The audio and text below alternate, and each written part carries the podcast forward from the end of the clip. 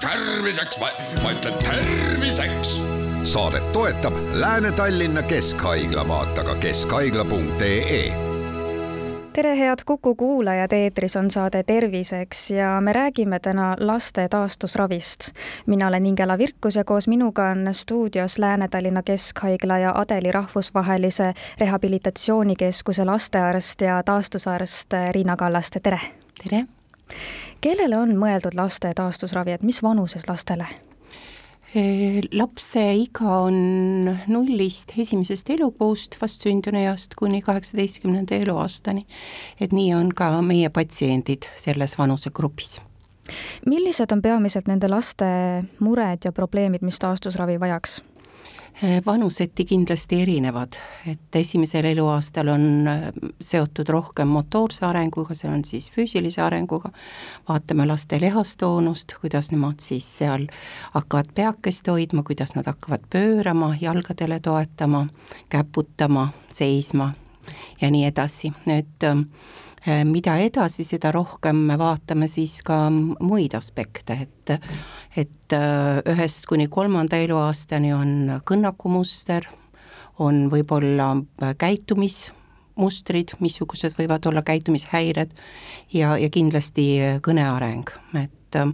mida aeg edasi, seda enam tuleb nüüd ähm, välja selliseid lapsi, kellel on siis kõnearengus probleemid. et kas see on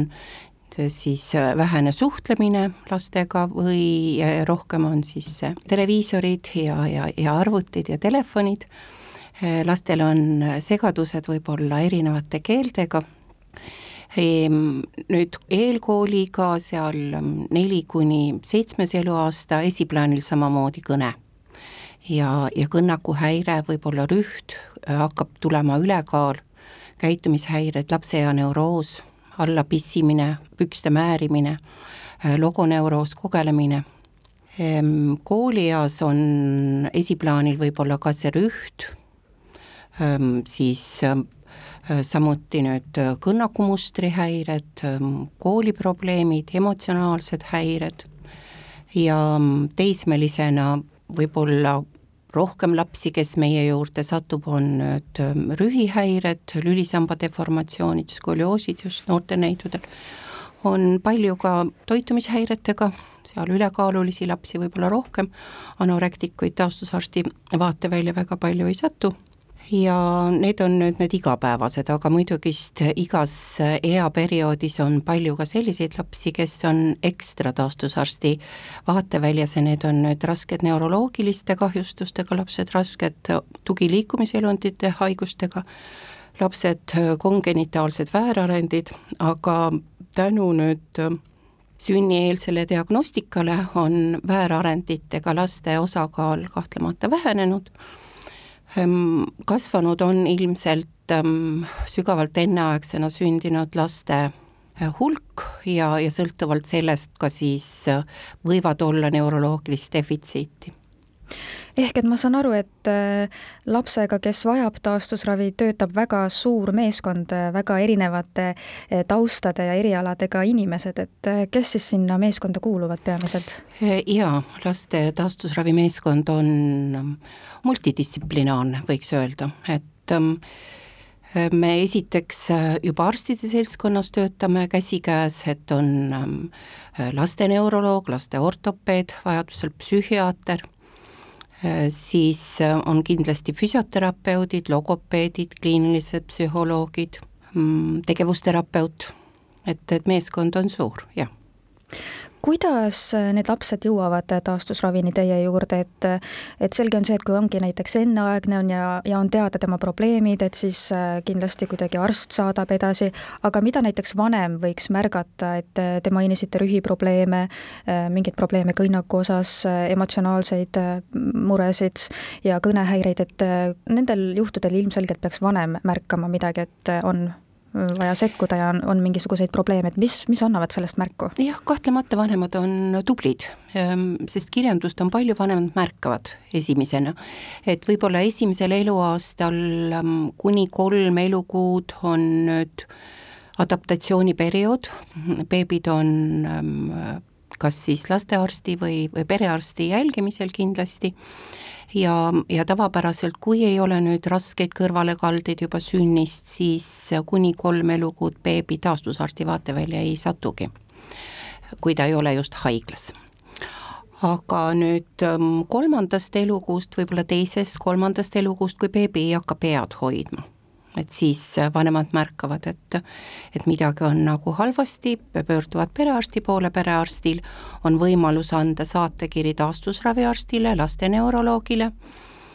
või siis teraapiafondi kaudu otse füsioterapeudile ja niimoodi on võimalik siis sattuda.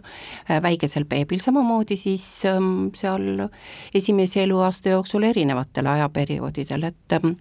et et äh, guugeldades on võimalik leida, et missugustel ähm, elukuudel, missugused oskused peaksid lapsel juba olema, kui ta on ajaline laps, kui on enneaegne laps, siis vastavalt on natukene aeglasem see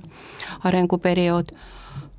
aga lapsed märka, vanemad märkavad kahtlemata, perearst märkab, ähm, kui on laps lasteaias, siis ähm, märkab äh, ilmselt lasteaiaõpetaja, kui on näituseks kõneprobleemid, käitumishäired koolis kindlasti kooliõde lisaks.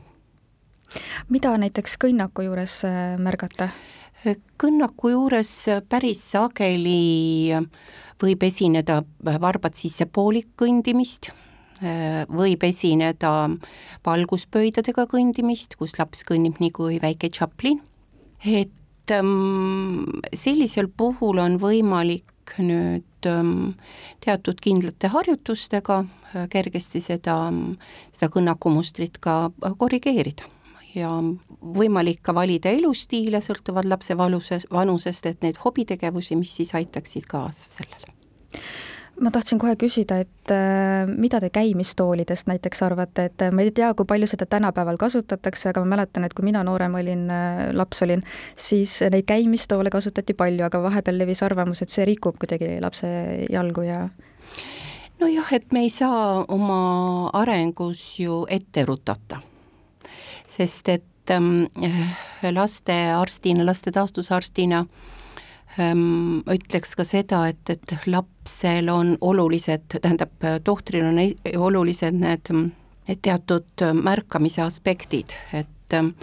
et kas laps nüüd kuuendast-seitsmendast elukuust toetab näiteks täistallaga pinnale. kui ta seda teeb, ei ole varvukil, ei ähm,, ei peida jalgu ala sinna kehatüve alla, et ta üldse toetust ei praktiseeri, et siis on hästi kui ähm, laps ähm, võtab käputamise asendit ja ta käputab ja ta käputab veel üks aasta ja ähm, üks kuu, kaks kuud, kolm kuud, siis iseenesest muretsemiseks väga põhjust ei ole, sellepärast et laps on omandanud käputades diagonaalse liikumise mustri ja ta nii või teisiti äh, kas varem või hiljem hakkab kõndima, et muretsemiseks nagu põhjust ei ole, sest neuroloogilise kahjustuse tunnused puuduvad aga nüüd ähm, need käimispüksid, see on veidike arengus võib-olla etteruttamine, see on nagu sundimine, et ähm,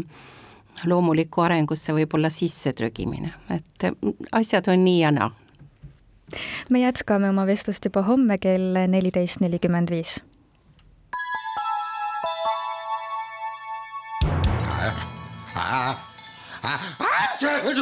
terviseks, ma ütlen terviseks saadet toetab Lääne-Tallinna Keskhaigla, vaata ka keskhaigla.ee